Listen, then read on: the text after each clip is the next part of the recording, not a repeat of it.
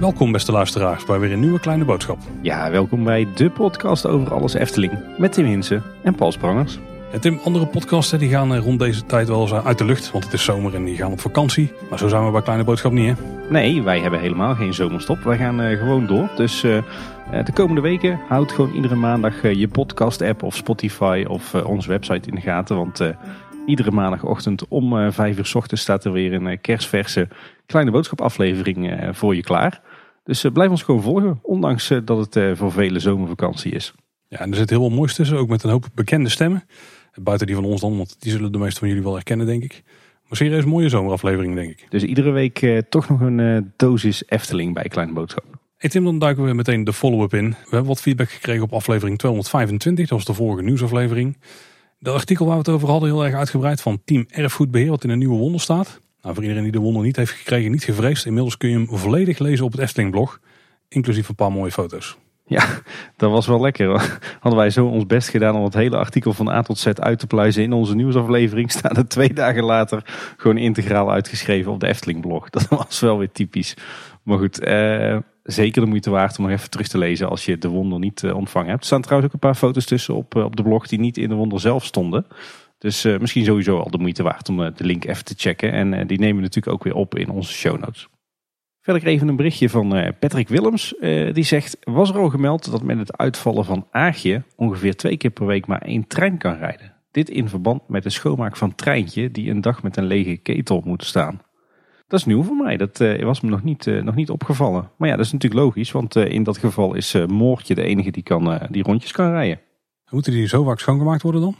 Nou ja, volgens mij worden die, worden die ketels iedere dag uh, gereinigd. Dus ik vraag me af uh, wat dit dan voor extra schoonmaakbeurt is. misschien dat een van de treinenfreaks onder onze luisteraars daar nog wat opheldering over kan geven. Maar ik, ik wist inderdaad niet dat er een soort schoonmaakbeurt was waarbij de, de trein de hele dag stil moest staan.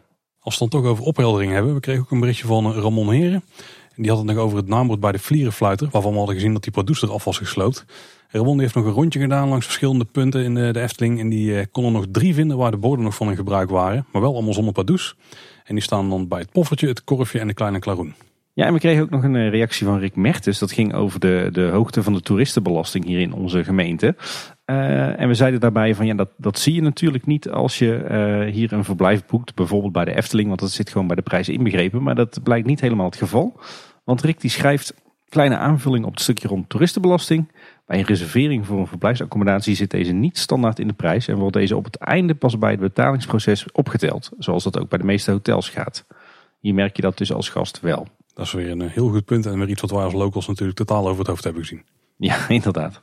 En nog een klein stukje follow-up op aflevering 226. Dat was ons interview met onze burgemeester, Hanne van Aert. Die vroeg waarom wat haar favoriete plekje binnen de Efteling was en toen antwoordde het Sprookjesbos. Maar dat was volgens een aantal luisteraars niet specifiek genoeg. Dus die hebben op Twitter nog even een navraag gedaan. En toen kwam het uh, verhelderende antwoord. Dat is door een roosje. Ja, Hanne die uh, schrijft erover dat leuke en spannende paadje omhoog langs de waterval. Dan het kasteel met de raampjes, de slapende kok die heel hard snurkt. En dan het pad weer naar beneden rennen.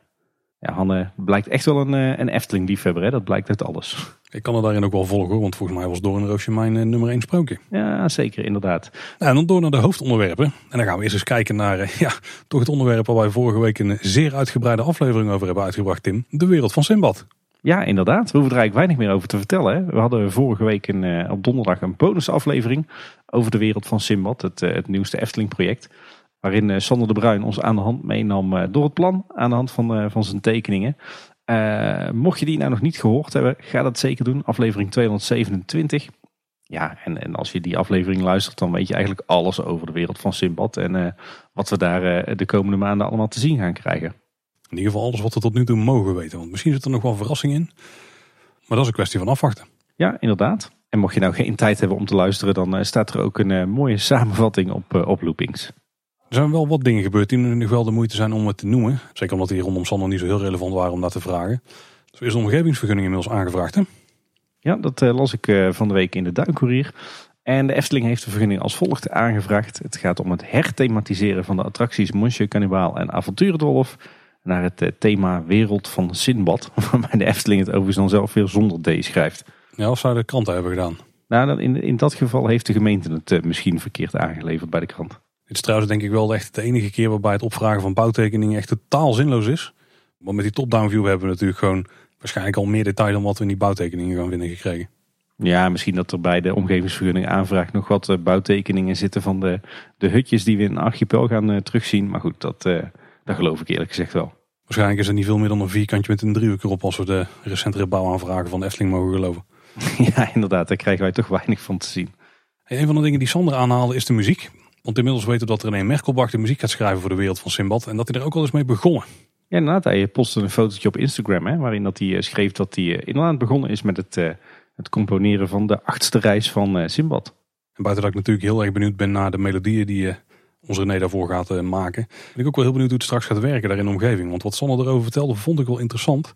Klonk een beetje alsof dat je misschien een, een, een continue area loop hebt. Maar dat binnen de attractie zelf, in ieder geval binnen Sirocco, dat daar dan de muziek uh, heel erg wordt opgezweept op het moment. Maar wel in, in, zeg maar, mee met de maat van wat je in de rest van het gebied hoort. Maar op het moment dat uh, daar alles tot leven gaat komen, dat het dan uh, heel erg groot wordt daar. Maar heel lokaal. Ik ben, ik ben heel benieuwd hoe dat gaat werken in de praktijk. Dat is eigenlijk een beetje hetzelfde effect als wat al is toegepast in Symbolica. En ook bij de Zes Zwanen. Hè? Daar hebben ze dat ook met de muziek gedaan. Ja, alleen er is hij nergens echt op zwepend. Hè? En ik heb het vermoeden dat het bij Sirocco wel gaat gebeuren. Passend bij wat je daar gaat ervaren. Ja, wat interessant. Maar de muziek is nog niet klaar, dus wie weet dat het in de praktijk niet gaat werken. Dat zou nog zomaar kunnen. Slag om de arm daar. Het is een leuk ideetje van je, Paul. Zeker. Hey, er zijn ook al wat voortekenen van, uh, van de bouw van uh, de wereld van Simbad. Uh, zo heeft een luisteraar al een landmeter aan het werk gezien op het Reizenrijkplein. wellicht om wat dingen in te meten of om te kijken waar de kabels en leidingen liggen. En ik zag ook iets heel interessants verschijnen op de bouwplaats van Bekkerij Krumel. Waar we het dadelijk nog even over gaan hebben. Want daar verscheen ineens een, eh, een proefstuk. Uh, ja, wat was het? Het was een houten balk met uh, een stukje bamboe en een stukje van een raampje. En volgens mij is dat een proefstuk van de materialisering van, van die vissershutjes die we gaan zien in Archipel. Het zou zomaar kunnen, ja. Een beetje vergelijkbaar met het proefmuurtje wat we hebben gezien voor Bekkera Krumel zelf. Hè? Ja, deed mij qua heel erg denken aan de bamboehutjes die we nu ook hebben bij Mosje Cannibal en in het uh. En dat uh, sluit natuurlijk mooi aan bij het verhaal dat Sander vertelde. Dus ik uh, vermoed echt dat dit stukje huisje bij Bekkerij Krumel bedoeld is voor de wereld van Simbad. we kregen ook de afgelopen dagen heel vaak de vraag van die fase 2 waar Sander het de hele tijd over heeft. Weten jullie ook wanneer die gaat starten? Maar heeft hij daar misschien iets over verteld buiten de aflevering of zo? En dat is antwoord eigenlijk heel simpel op, dat weten wij niet. Nee. we weten wel dat het afhankelijk is van een hoop dingen. Tenminste, daar gaan we vanuit hè, dat het van de financiën af zal hangen. En Misschien ook hoe snel ze gaan beginnen aan de, aan de oostzijde met de verdere uitbreidingen. Maar dat zijn allemaal dingen die zijn nog onzeker op dit moment. En daarmee is de, de start van fase 2, wanneer ze die gaan bouwen, is ook nog heel onduidelijk.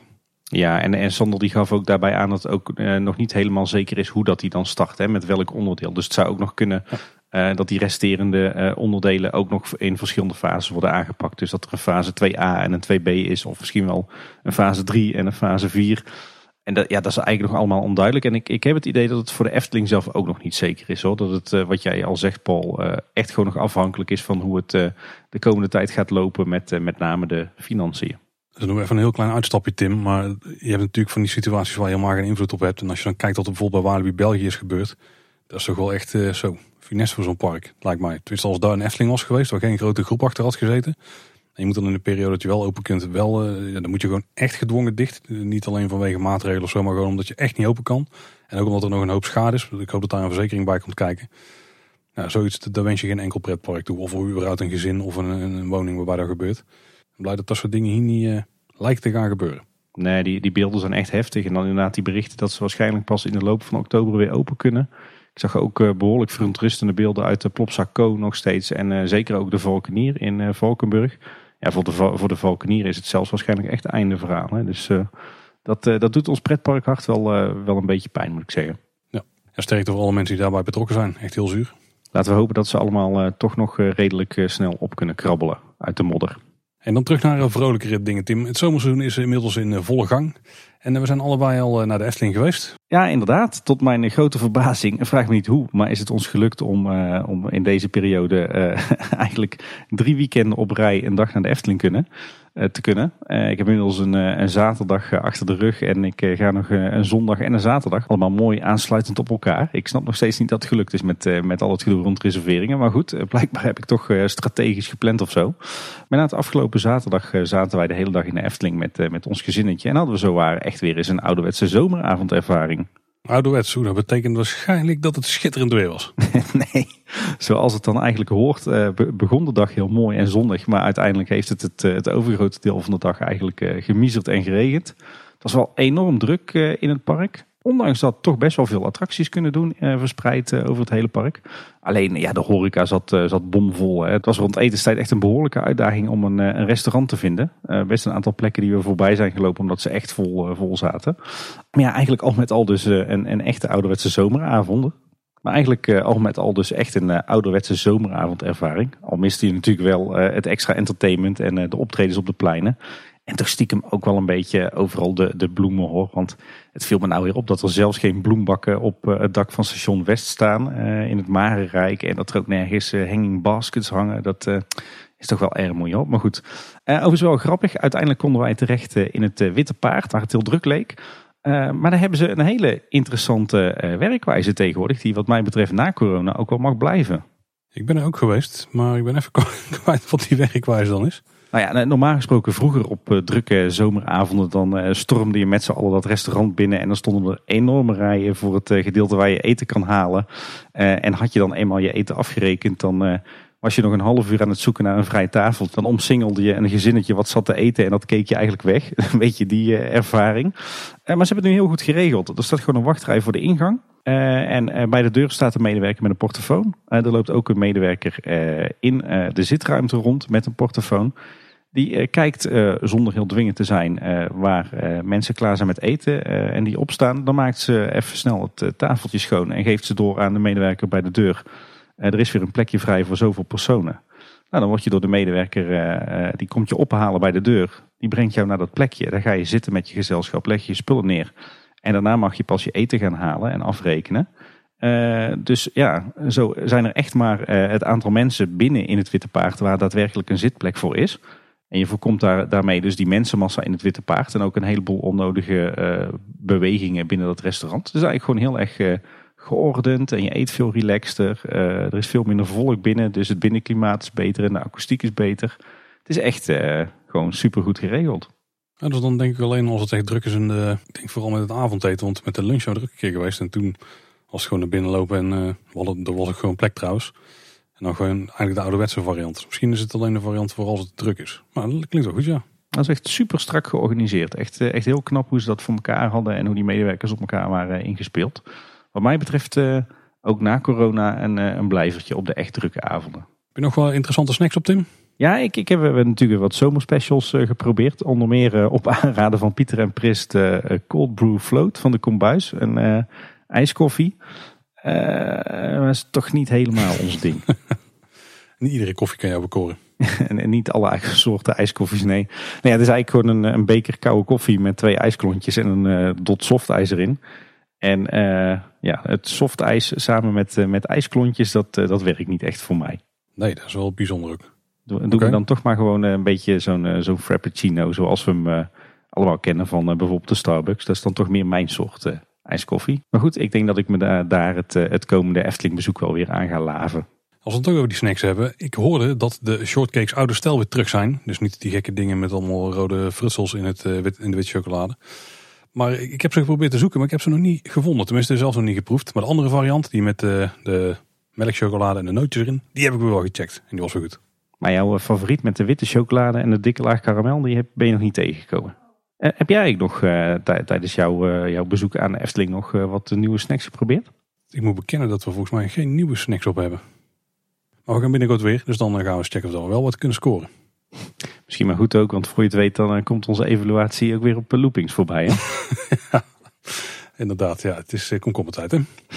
Nou, meer popcorn tijd in dit geval. Inderdaad. Wat ik misschien wel ga checken dan de volgende keer, Tim, zijn de zomerse pannenkoeken bij Polles Keuken. Want er zijn weer eh, twee specials. De pannenkoek pulled chicken. Dat is een naturel pannenkoek belegd met pulled chicken en barbecue saus.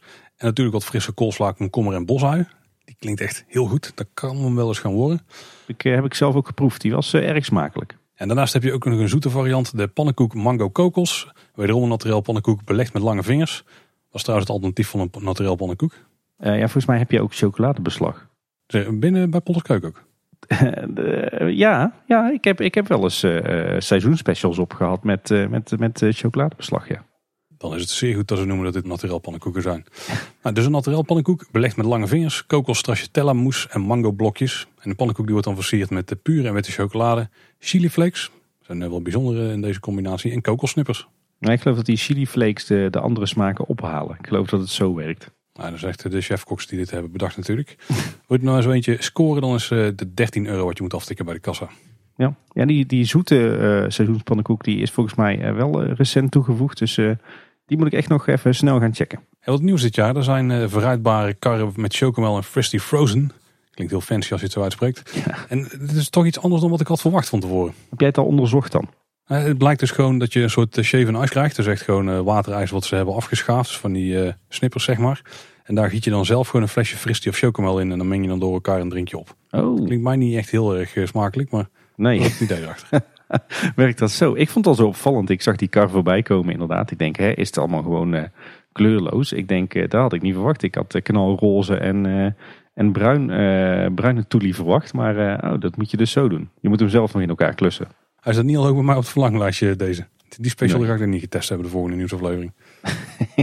ik ben er bang voor dat dat ook voor mij geldt inderdaad. Nou, de Efteling zelf die, die besteedt volle aandacht aan alle specials. Op het blog staat wederom een nieuw bericht over de zomerspecials. En dit keer zijn ze volgens mij vrijwel allemaal opgezond. Ja? We hadden er in onze vorige opzomming nog een paar gemist, Tim. Ja, nou eigenlijk maar eentje. Uh, er is namelijk ook een, een zomersbroodje Unox. En dat is een uh, pistoletje met natuurlijk de Unox rookworst. Maar daar gaan blokjes augurk bij, gebakken spekreepjes, mayo, ketchup en gebakken uitjes. En dat kan je krijgen bij alle Unox karren in het park. Met uitzondering van de smaakmaker op het Harthof. En bij de smaakmaker, nou we het er toch over hebben, dan heb je ook een nieuw broodje Unox, de ontbijtspecial. Die kost 4,50. Dan krijgen ze een broodje Unox. En naast het broodje en de worst zit daar dan ook nog een omelet, bacon en tomaat op. Zo lijkt het. Ja, dat is even de vraag. Want ik, eh, ik heb hem nog niet uh, in real life voorbij zien komen. Ik uh, baseer me op een foto van het, uh, het klapbord. En daar kon ik die ingrediënten uit ontwaren. Daarom ga ik er voor het gemak maar zo vanuit dat het is. Maar inderdaad, meer dan een plaatje, daar hebben we nog niet op af kunnen gaan. Hey, en uh, leuk nieuws. Uh, de Witte Walvis, het horecapunt aan de achterzijde van het spookslot, is eindelijk weer open. Is eigenlijk dicht geweest sinds het uitbreken van uh, de coronacrisis. Weet je dat nog, Paul? lang, heel lang geleden. Heel lang geleden, ja. Dit was trouwens vroeger altijd mijn favoriete horecapuntje. Daar kocht ik altijd stroopsoldaatjes. En had ik vroeger van die gruwelijke salmiak. ook staafjes volgens mij trouwens. Het was een beetje staafjesparadijs daar. ja. Dat is geen, geen nieuws voor mij, Paul. Want ik weet dat wij ooit nog een aflevering hebben gemaakt bij Kleine Boodschap over onze favoriete horecapunten en ons favoriete eten en drinken in de Efteling. Volgens mij aflevering 40. En uh, daar uh, wist je dat inderdaad ook te vertellen. Maar goed, uh, de Witte Walvis is dus heel lang dicht geweest. maar is sinds het begin van deze zomer weer open. en wat je er kan krijgen is natuurlijk de soft ijsjes, de Sunday en Sunday Extra. En dat is een, een Sunday in zo'n eentbaar bakje met een marshmallow, stroopwafel of Oreo topping. En het viel me alleen wel op dat het, eh, het horecapuntje nogal leeg is op het moment. Dus eh, ze moeten daar nog wat energie steken in eh, de aankleding van het, het interieur.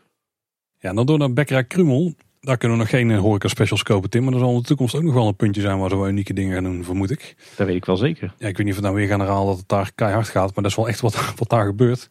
Dat gebouw daar lijkt aan de buitenkant echt al heel aan het klaar te zijn. Ja, inderdaad. Het gaat de goede kant op. En ook uh, van de binnenkant zien we de, al de nodige foto's uh, waaruit blijkt dat het uh, daar toch ook een heel eind richting voltooiing gaat. Ja. ja, er is de afgelopen twee weken weer enorm veel gebeurd. We hebben de werkzaamheden natuurlijk een beetje in de gaten gehouden voor jullie. De hoofdingang, die is voorzien van een hele mooie stuklijst rond, rond de deur. Voorzien van allerlei Eftelingse scheurtjes. Inmiddels ook gesausd, dus die zal binnenkort wel worden ingeschaduwd. En daarnaast, daar, heb je, daar begint de aanbouw, zeg maar, waar je straks in kan eten. En op de zijkant van die, van die aanbouw is nu ook een heel fraai gedecoreerd houten afdakje gemaakt. ook heel mooi. Die aanbouw, de buitengevels daarvan, die zijn inmiddels ook zo goed als klaar. De borstwering die is gemetseld. Daarbovenop zit een betonbandje. En daarboven zitten gepotdekselde planken, zoals dat dan zo mooi heet. en natuurlijk zitten in die aanbouw ook allerlei ramen en deuren van hout. Verder hele mooie zinken hemelwater afvoeren die al zijn aangebracht. En ook hele fraaie pironnetjes op het dak. Van die, die bolletjes met een, een spits toelopend uiteinde. Op het hoofddak van het, het hoofdgebouw worden de leidjes inmiddels aangebracht. Dat zijn van die ja, gebakken leidjes, dus niet van die natuursteenleidjes. Een beetje in de, de twee tinten bruin-rood. Nou, daar zijn ze momenteel druk mee bezig. Ehm, het kromme laddertje dat staat uh, terug tegen de schoorsteen aan. En het valt wel op dat het overigens andere leidjes zijn dan op, op de aanbouw. want de aanbouw met dus straks die zitgelegenheid, daar zit meer een, een wat grijzere lei. Verder is inmiddels ook aan de kopgevel een nogal fors afdak geplaatst. Hele mooie houten kolommen op gemetselde poeren. dat houtwerk is ook weer heel fraai gedecoreerd met houtsnijwerk. En ook daarop zijn inmiddels eh, de gebakken leidjes aangebracht. Eh, de eh, back of the house aan de achterzijde, dat aangebouwde lage gebouwtje, daar zit inmiddels ook een dubbele deur in. Mooi in thema. En we zien dat recent over het, ja, zo'n beetje het hele gebouw van die witte handjes zijn aangebracht. van natuurlijk Max en Moritz. Die in het meel hebben gezeten en vervolgens het gebouw opklimmen om via de schoorsteen de bakkerij binnen te komen. En eh, van de week heeft eh, de afdeling decoratie dat eh, met, met de hoogwerker her en der over het pand aangebracht. En tot slot hebben we ook wat mooie interieurfoto's gezien. Onder meer van Rick Overeem. En zien we dat ook de binnenzijde al een heel eind klaar is. Een mooie mix van schoon metselwerk, dus van metselsteentjes die in het zicht blijven. Mooie betonnen of natuursteen sluitsteentjes. Dat zijn zeg maar van die betonnen of natuursteen elementjes die je vaak ziet in, uh, in, in togen die worden gemetseld of rondingen. Ook hier verder weer wat betonbandjes in het metselwerk. Mooie lambriseringen van hout of van stukwerk. En verder ook hele mooie houtconstructies weer. Onder meer het, het plafond en het dak natuurlijk waar je tegenaan kijkt. Ook weer heel mooi gedecoreerd en gedetailleerd. Met heel veel, heel veel houtsnijwerk erin ook. Dus ja, zowel aan de binnen- als aan de buitenzijde gebeurt heel veel. En ja, het, het ziet er echt prachtig uit. Ik moet wel zeggen dat nu het een beetje uitgekleed wordt. Uh, en we kijken bijvoorbeeld naar die kopse kant. Er is wel vrij veel van die bloemdecoratie opgeschilderd. Misschien net iets te veel. Vooral op de, ik weet niet, er zijn niet de boeiborden, maar in ieder geval het houdt zo in het driehoek, Tim, hoe heet het? Van het dak, dat op de kopse kant zit. Ja, een beetje het, het timpaan, zeg maar. ja, ja, je zegt het. Dat zegt mij niks. Maar niet daar, laat het daarop houden. Daar staan een paar van die hele grote witte krullen op. Misschien net iets te veel van het goede, maar ja, in het algemeen, dit gebouw ziet er heel tof uit. ik ben ook vooral heel benieuwd naar de binnenkant dadelijk. Want als we al zien hoe, eh, hoe goed de buitenkant is aangekleed, ja, dan kan de binnenkant alleen maar top worden. Ja, zeker. Ja, inderdaad wel heel veel krullen en bloemen op de buitenzijde. Misschien net, net ietsje te veel. Maar goed, eh, als ik even kijk naar het totaal, is het wel bijzonder stijlvol en bijzonder Eftelings. En uh, ja, echt 100% af. Maar ik moet zeggen dat ik met het, het huidige resultaat echt bijzonder gelukkig ben. Zeker, zeker. Maar laten we met een, een eindoordeel wachten tot, tot de officiële opening. Iets waar ik trouwens ook wel echt naar uitkijk. De vorige nieuwsaflevering toen had het over een onderzoek wat Efteling leek te doen. Waar je echt ook bijna altijd op werd gewezen. Over hoe je ervaring was bij het Lavelaar. Specifiek bij de monorail. En of dat je daar in was geweest. Dan weten we dus waar dit voor was. Want er lijkt daar ook een soort digitale wachtrij te gaan komen. Ja, inderdaad. De Efteling die gaat vanaf 2 augustus testen met een virtuele wachtrij bij de Lavelaar monorail. En die enquête waar we zo mee werden doodgegooid, dat was als het ware een, een nulmeting naar ja, zeg maar de, de tevredenheid van, van bezoekers over de huidige situatie met het wachten. Maar dat was dus niet voor niks. Want ja, we krijgen dus bij het, de Lavelaar monorail een virtuele wachtrij. Wat dus wil zeggen dat je een plekje in de digitale wachtrij kan reserveren via de Efteling app. Maar praktisch gezien is het eigenlijk gewoon het boardingpass systeem. Alleen dan volledig digitaal, dus zonder automaat. Nou, dan vraag ik mezelf dus af. Want bij het boardingpass systeem kon je natuurlijk vanaf het moment dat je in de Efteling was, kon je voor om het even welk moment uh, op de dag kon je een, eh, een, ticket reserveren om in de Python te gaan. En als maar genoeg mensen dat deden, dan kon je de hele dag niet meer in de Python. Maar volgens mij is het hier zo. Volgens mij is het hier zo dat je niet per se voor een moment op de dag een plekje reserveert. Maar dat je echt op het moment dat je daar bent, in die virtuele wachtrij gaat staan. Dus je moet ook echt daar zijn. Of je er echt moet zijn, weet ik niet. Maar wat ik, wat ik, wat ik een beetje uit de summeren informatie haal die we krijgen, is het volgens mij zo dat je uh, dat je niet uh, een plekje reserveert voor een bepaald tijdstip. Maar als je ervoor kiest, dan ga je op dat moment ook in die virtuele wachtrij staan. Dus het is niet zo dat je dat aan het begin van de dag al de hele dag is volgeblokt, zeg maar. Ja, oké. maar bij, de, bij systeem was het volgens mij ook zo dat je maar kon reserveren voor de eerst volgende twee of drie sloten die open waren. En dan kon je inderdaad wel de rest van de dag dat alles op een gegeven moment volgeboekt was. Maar dat zal hier dan toch niet heel anders zijn? Nou ja, wat, natuurlijk bij de Python het grootste probleem was, was dat mensen bij voorbaat echt een, een plekje reserveerden en dan niet kwamen opdagen. of dat daardoor dus onmogelijk was om spontaan een ritje in de Python te gaan. En ik kan me indenken dat bij zo'n virtueel wachtsysteem uh, dat, dat dat wordt tegengegaan omdat jij gewoon op een moment X ervoor kiest om op dat moment in die virtuele wachtrij te gaan staan. En dan moet je ook echt op het moment dat, dat je uit die wachtrij bent ook echt daar zijn om de attractie in te gaan. Ja, ik ben benieuwd. We moeten het gewoon een keer gaan testen, denk ik. Nou. Het idee is overigens wel heel goed, zeker op die plek. Want eh, als je ergens natuurlijk mooi kunt wachten en lekker komt er rondstruinen, dan is het wel in het lavelaar. Ja, ik denk dat dit op zich een prima plek is uh, voor, voor zo'n test wat mij betreft is het überhaupt heel goed dat de Efteling blijft experimenteren met, uh, met verschillende manieren van wachten. Zolang ze maar niet kiezen voor een betaalde variant. Uh, maar ja, de monorail is op zich wel een geschikte plek. Hè. Sowieso is de, staan daar meestal wel uh, forse wachtrijen. de wachtervaring daar was voor corona al niet best. Hè, met die, die, die daar beneden. En dan dat, dat trappenhuis en dat station wat allemaal niet echt de schoonheidsprijs verdient. Maar nu eh, tijdens corona is het, is het allemaal nog eh, irritanter. Want die corona-wachtrij die staat door het halve Lavelaar heen en door het Loerhuis. Dus eh, de kwaliteit van, het, van de wachtbeleving was al niet perfect. Terwijl inderdaad, wat jij zegt, als je nu in een virtuele wachtrij gaat staan. Ja, deze omgeving is natuurlijk ideaal geschikt om, om die wachttijd af te wachten. Hè? je kunt je natuurlijk prima vermaken in het Lavelaar zelf. Als je kinderen bij hebt, dan kunnen ze lekker spelen in het Lavelaar. Uh, maar je zou bijvoorbeeld ook prima terecht kunnen op het Anton Pieckplein in de horeca, bij het Witte Paard op het terras, in de draaimolens. Eigenlijk is dit een, eh, een ideaal gebiedje voor zo'n virtuele wachtrij. Ja, absoluut. Ja. ja, misschien ook een manier om meer mensen naar het Lavelaar toe te trekken. Eigenlijk zelfs een hele dwingende manier van uh, mensen een kijkje uh, laten nemen in het Lavelaar zelf. Want ik denk dat er best wel een groot gedeelte van de uh, bezoekers aan de Lavelaar monorail echt alleen in de monorail gaat en vervolgens weer verder gaat naar de volgende attractie. maar nu ja, forceer je eigenlijk een klein beetje dat ze ook in het Lavelaar zelf een kijkje gaan nemen. En nog een paar details over hoe het werkt. Je kunt maximaal zes personen reserveren per apparaat. Dus je kunt voor één tot zes personen een plekje claimen in de app. En er volgt dan een melding zodra je aan de beurt bent. Dus krijg je een notificatie in de app binnen. En dan kun je via de reguliere wachtrij de attractie in.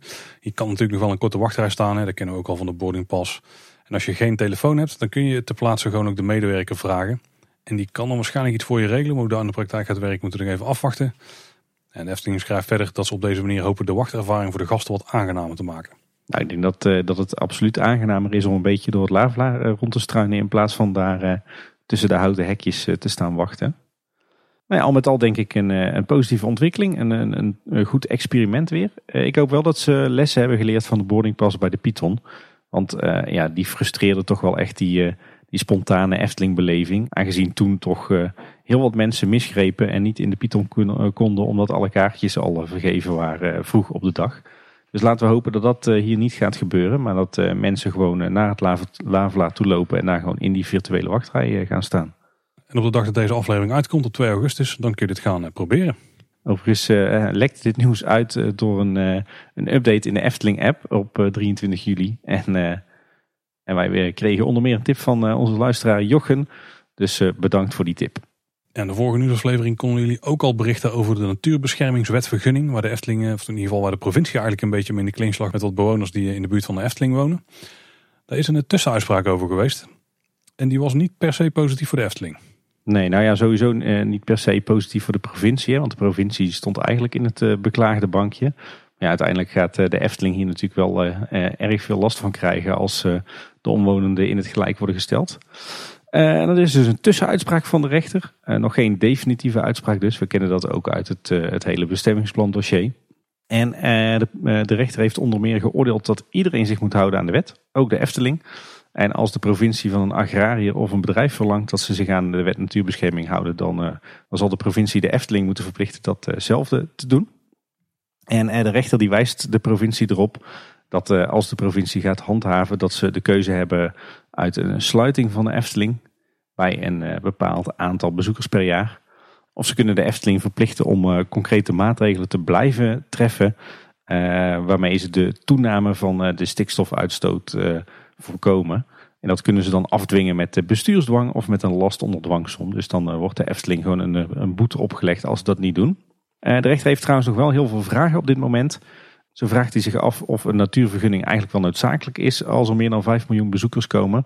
Um, als er volgens de Efteling geen toename is van stikstofuitstoot door alle maatregelen die ze nemen. Nou ja, neemt die stikstofuitstoot wel toe, ja, dan zal de provincie dus maatregelen moeten opleggen om de natuur te beschermen. Maar er blijkt nou dat die stikstofuitstoot niet toeneemt. Ja, dan is eigenlijk ook geen nieuwe vergunning nodig. Uh, alleen dan zal de provincie wel moeten beoordelen of de Efteling uh, zelf genoeg maatregelen neemt. En of het effect daarvan ook echt daadwerkelijk uh, blijvend is of slechts tijdelijk van aard. Nou ja, heel veel vragen dus. En ze creëren op deze manier ook wel echt een enorm grijs gebied. Want hoe gaat de provincie daar dan weer op toezien? Zou dat ook moeten kunnen bewijzen? Want ik denk, als je gaat kijken naar de afgelopen jaren, dan heeft de Efteling daar praktisch gezien best wel veel aan gedaan al.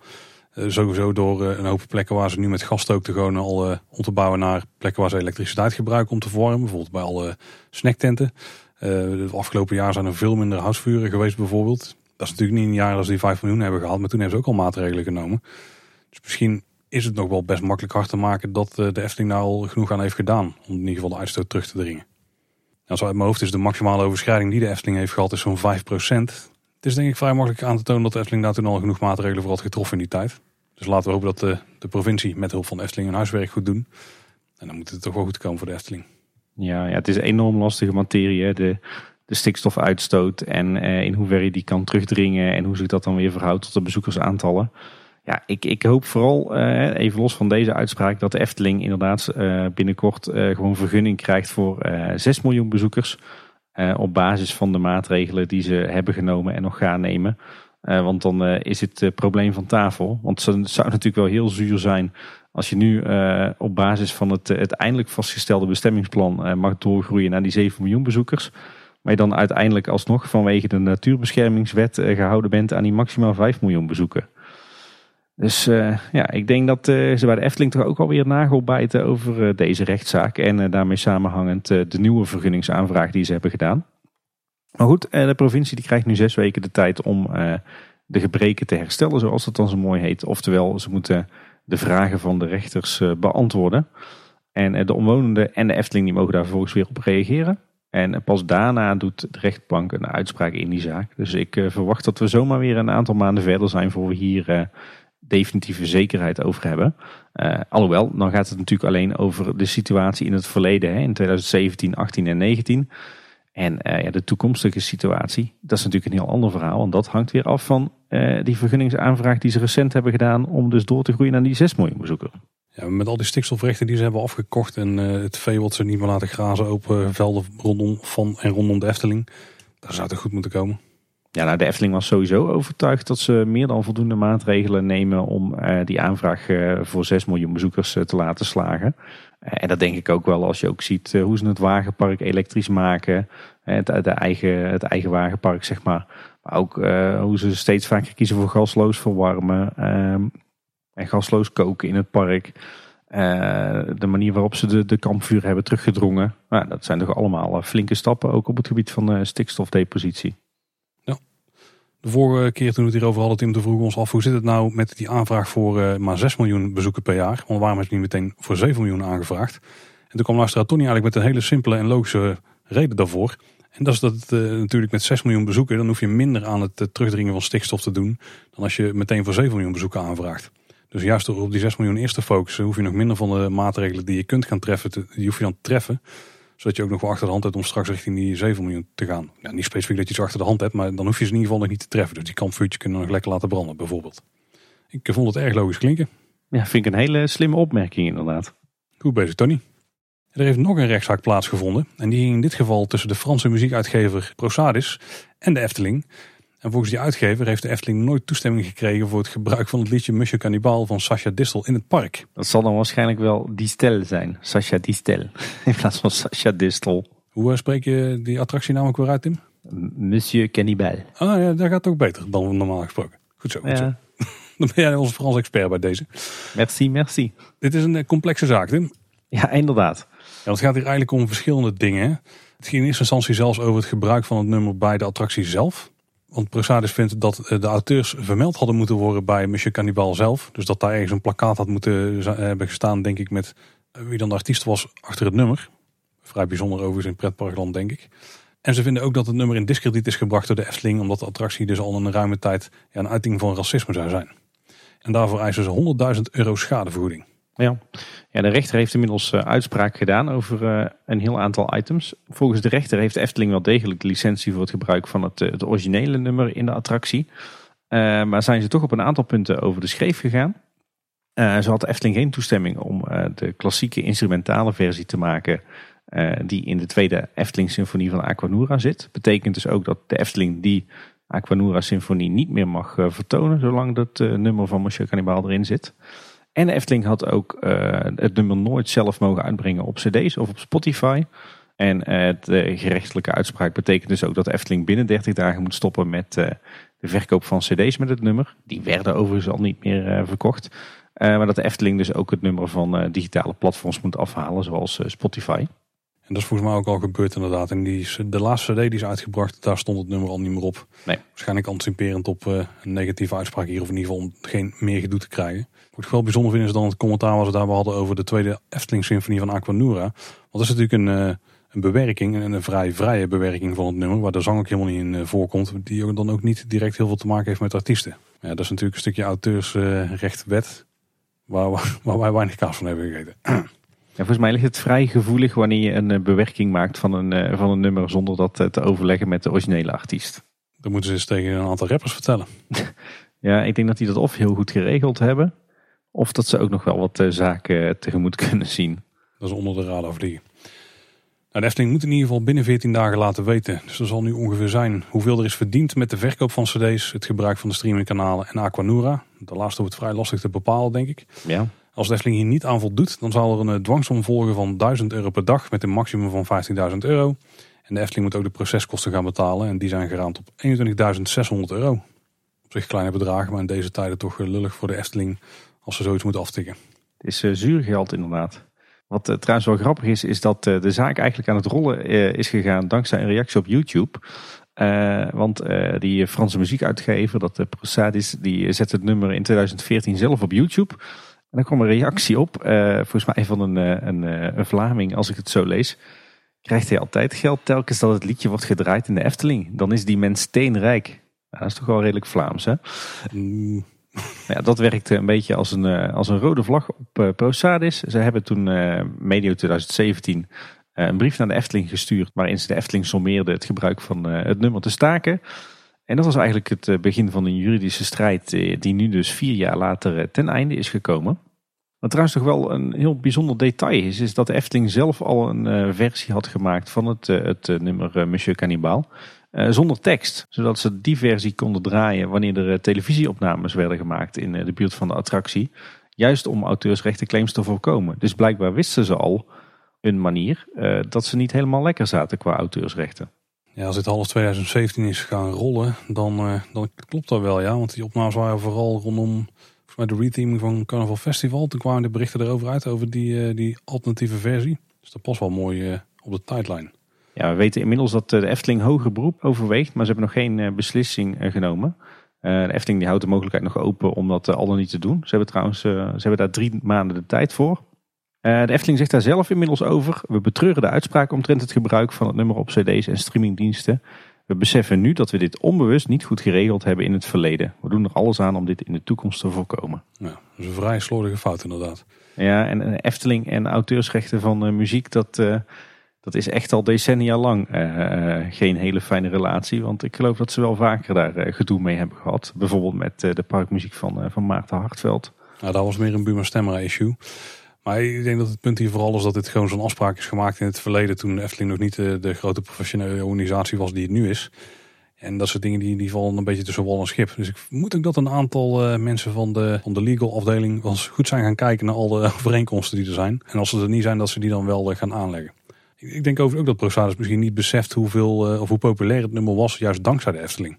En ik weet niet wat dat waard is, maar dat zal heel lastig te bewijzen zijn. Ja, zegt dat wel. Ik vraag me dat trouwens ook af wat dat betekent voor die carnavalsremix die er ooit van is gemaakt. Ja, nou laten ze het niet horen daar bij ProSadis, want dan krijgen we ook daar weer een hoop gedoe over. Ja, precies. Nou, er zijn uh, auteursrechten op muziek sowieso een hele complexe, is hele complexe materie. Ik geloof dat wel meer bedrijven en artiesten daar uh, problemen mee hebben. Dus uh, ik denk als je heel veel verstand hebt van, van muziek en auteursrechten, dat je heel veel kan verdienen op dit moment. Nog één ding wat hier ook nog wel bijzonder in is, is dat de Prosaris dan een beetje met een vingertje wijst aan de Efteling dat, dat het nummer in discrediet is gebracht hè, door Nou, in ieder geval wat gedoe rondom Moesje Cannibal. Maar als je dan kijkt naar de inhoud van het nummer, Ja. dan zijn er wel meer dingen waar je druk om kunt maken in dit geval. Maar ja, Daar zitten heel veel foute dingen in, ja, in, de tekst. daar gaan we wel. Ik denk dat het nummer ook zelf best wel hard zijn best doet om eh, zichzelf in discrediet te brengen. Dat terzijde. Ja, en dan door naar de coronacrisis. Eigenlijk niet zo heel veel dingen die je daarover kunnen melden. Behalve, en dit is eh, heel belangrijk, je kunt gaan reserveren tot en met 14 november. Dat geldt natuurlijk voor eh, de reguliere tickets en de abonnementhouders.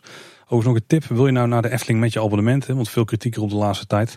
eh, hou sowieso die lijst met momenten die, eh, die vrij zijn in de gaten. Het is mij nog gelukt om voor, volgens mij in dezelfde week nog tickets te reserveren voor eh, echt een ochtend voor de eerste tijdslot met drie personen. En een begin van de middag tijdslot met drie personen.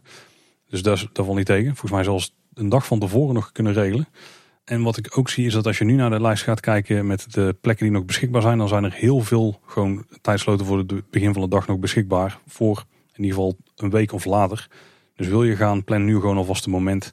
Eh, ga je uiteindelijk dus niet, ja, cancel hem dan ook gewoon ruim van tevoren als het even kan. Dan geeft iemand anders weer de kans om te gaan. Maar belangrijk, je kunt tot en met 14 november reserveren. En eh, misschien nog wel belangrijker Tim, er zitten ook weer wat groene dagen in bij de druktekalender. Dus dagen dat het heel rustig is in de. Ja, nou, dat moet ik nog maar zien hoor. Want het is eh, sinds de heropening eh, niet, niet meer rustig geweest in het park. Ongeacht eh, wat voor laagseizoendag het dan was of hoe slecht het weer was. Het is eigenlijk altijd wel druk geweest voor mijn gevoel. Ik ben trouwens wel benieuwd of dat het nu ook betekent dat, dat eh, 15 november dan het begin is van de nieuwe winter Efteling. Dat zou zomaar kunnen, ja. En vooral wat de invulling daar dan van zal zijn. Ik zeg trouwens dat, dat het dan mooi is dat het dan niet zo druk zou zijn die dagen. Dat zijn vooral een paar dagen nu in november. Begin november. Maar voor de Efteling zelf is het natuurlijk mooi als ook die dagen gewoon lekker gevuld zijn straks. En, en anders gaan wij gewoon vaker hè. De goed hebben we toch niet meer, dus dan kunnen we gewoon geld uitgeven. Ja, precies. De openingstijden voor het naseizoen die zijn inmiddels dus ook bekend. In september, dus vanaf 6 september, dus na het zomerseizoen, eh, zijn de tijden door de week van 10 tot 6. En het weekend van 10 tot 7. De eerste twee weken van oktober zijn de tijden eigenlijk hetzelfde. Dus ook van 10 tot 6 door de week en van 10 tot 7 in het weekend. In de herfstvakantie, dus dan de laatste twee weken van oktober en de eerste week van november. Het is me niet helemaal duidelijk waarom dit drie weken zijn overigens. En België hè. Ja, misschien vanwege de Belgische herfstvakantie inderdaad. Eh, zijn de openingstijden iedere dag van 10 tot 7. En die tweede week van november, en ik vermoed ook voor een heel groot deel van de winter, dan eh, is de Efteling door de week open vanaf 11 uur. Dus let dan op, anders sta je een uur te vroeg bij de poort. Dus van 11 uur tot 6 uur en in het weekend van 10 tot 7. Dus het weekend kun je praktisch gezien twee uurtjes langer naar de Efteling als je een vroeg tijdslot kunt eh, bemachtigen. Ja, ik heb er wel weer zin in hoor. Een echte herfstige Efteling en eh, de winter Efteling. Kan niet wachten. Ik moet zeggen dat iedere bezoekje aan de Efteling op dit moment een feestje is. Ja, Het iets meer bijzonder dat je er eh, toch tussen komt. Ook al heb ik dus best wel geluk gehad met de reserveringen. ja, ja geldt bij mij ook. Er komen zo vaak nog last minutes vrij. En ja, wat ik al zei, gewoon eh, drie weekenden op rij en een volle dag Efteling gepland. Dus het, het kan wel. En dan haal ik nog niet eens zulke gekke, gekke toeren uit. Maar goed, la- laten we ook hopen dat in het najaar ergens een keer die, eh, die anderhalve meter maatregel eraf kan. En dat we dan niet meer hoeven te reserveren. Dat zou toch wel heel fijn zijn. Zeker, ja. Hey, eh, nog wat, eh, wat maatregelen. Vooral veel versoepelingen eigenlijk. Minder valide, die kunnen weer gebruik maken van de gondoletta en ook van de minder valide ingang.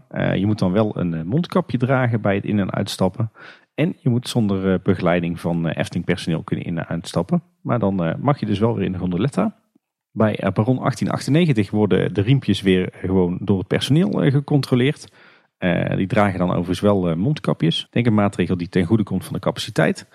En er is ook een, een grouper gespot bij het sprookje Het meisje met de zwavelstokjes.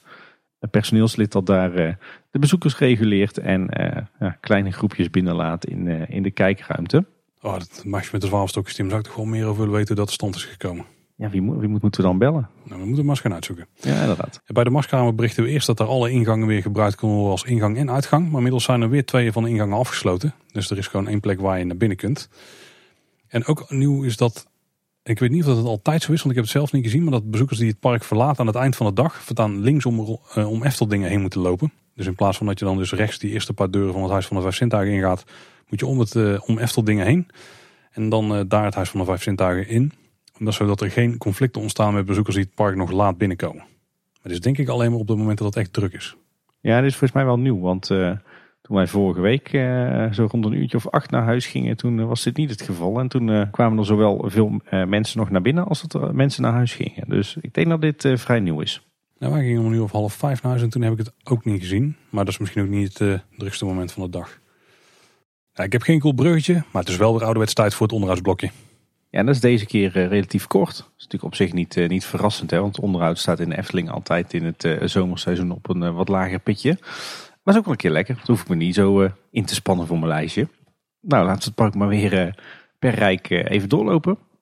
Beginnen met het Fantasierijk. Heel veel bedrijvigheid in en rond het Efteling Theater. Daar wordt natuurlijk hard gewerkt aan de Caro Show. Die vanaf september weer gaat spelen. Uh, verder viel op dat er uh, op meer plekken in de Aquanura vijver uh, vijverfolie naar boven komt drijven. Het ziet er heel raar uit, alsof er een soort van kinderen van Loch Ness rondzwemmen in de Aquanura vijver. Van die zwarte, zwarte mini-eilandjes die omhoog komen. Ja, ja. waarom dat de vijverfolie daar omhoog komt, weten we niet. Mogelijk dat, er, dat er water onder zit, of, of misschien toch uh, stortgassen van die uh, oude stortplaats waar het Efteling Theater op ligt. Die daar uh, een weg naar boven zoeken. Maar het ziet er wel een beetje slordig uit. Dus hopelijk kunnen ze daar, daar wat aan doen. Verder werd er deze week weer volop geboord rond de Aquanura vijver. Deze week was het te doen helemaal in de hoek achterin waar Aquanura aansluit op de Fata Morgana. Daar werd geboord waarschijnlijk in het kader van de warmte-koude opslag die daar gaat komen. In combinatie met de aquathermie bij Aquanura. Als het goed is wordt dat volgend jaar aangelegd. Maar daar zijn ze nu dus uh, druk voor aan het boren. Dat zagen we eerder al voor het theater. Maar nu dus uh, tussen theater, Fatima en Aquanura in. En we zagen ook een hijskraan verschijnen bij Symbolica. Voor onderhoud op of aan het dak. waarschijnlijk aan de zonnepanelen of aan de luchtbehandelingsinstallatie die daar op het dak staat. En deze week waren er ook wat, wat tuinmannen te zien. Die waren op het dak bezig om het, het grind en het Mossedum te fatsoeneren. Wat daar eh, zo mooi tussen de zonnepanelen ligt. Waarmee ze al die figuurtjes gemaakt hebben. En in Symbolica zelf uh, worden heel wat gebreken gemeld door diverse luisteraars. Zo uh, zouden de vlinders in de panoramasalon defect zijn. zou de fabelvis nog altijd defect zijn. Zou zelfs het, het effect met de barstende ramen en de waterstralen die dan naar beneden vallen, zou defect zijn in Botanicum. En eh, verder zou Pardoes ook niet uh, tevoorschijn komen op het einde van Botanicum. En is uh, de vrouw die uit de taart kwam inmiddels weer defect. Dus aardig wat kleine storentjes in Symbolica, jammer genoeg. Hm. Dan door naar het andere rijk, naar Max en Moritz. Daar was wat vandalisme in de wachtrij, want er was een van de mooi beschilderde planken in een van die wachtrijhuisjes losgebroken. Maar die is inmiddels weer teruggeplaatst. En uh, een van de vorige nieuwsafleveringen melden we al dat er uh, toch weer wat verval optrad aan de rotspartijen rond de Piranha. Ondanks dat er natuurlijk al een aantal gesloopt waren en die voorlopig niet terugkeren. Maar zo heb je in de Rode Zee, zeg maar dat stukje waar je even ronddobbert, waar nogal wat golfslag is. Daar heb je aan je linkerhand heb je, ja, zo'n gestukte muur staan waar ze van die ja, stenen in hebben uitgekrapt. daar zijn wat gaten ingevallen. Uh, die hebben ze inmiddels uh, afgedekt met wilgematten, zodat dat uh, niet heel erg opvalt. Maar het is natuurlijk te hopen dat er binnenkort toch geld komt om al het rotswerk rond de Piranha even te fatsoeneren. En verder is het spookslot deze week drie dagen dicht geweest voor groot onderhoud. we hebben nog geen berichten gezien over wat er nou precies in het spookslot gebeurd is. Wat wel opviel is dat er is gewerkt aan de installaties op het dak. En dat eh, de put op het voorplein, waar in eh, de winter eh, de verschrikkelijke sneeuwman zit, die is voor een behoorlijk groot gedeelte helemaal opnieuw opgemetseld. de vraag is even of dat het een schade is, aanrijdschade die is hersteld, of dat het echt gepland onderhoud was. Zich wel opvallend, want een paar weken geleden hebben ze die houten deksel helemaal opnieuw geschilderd.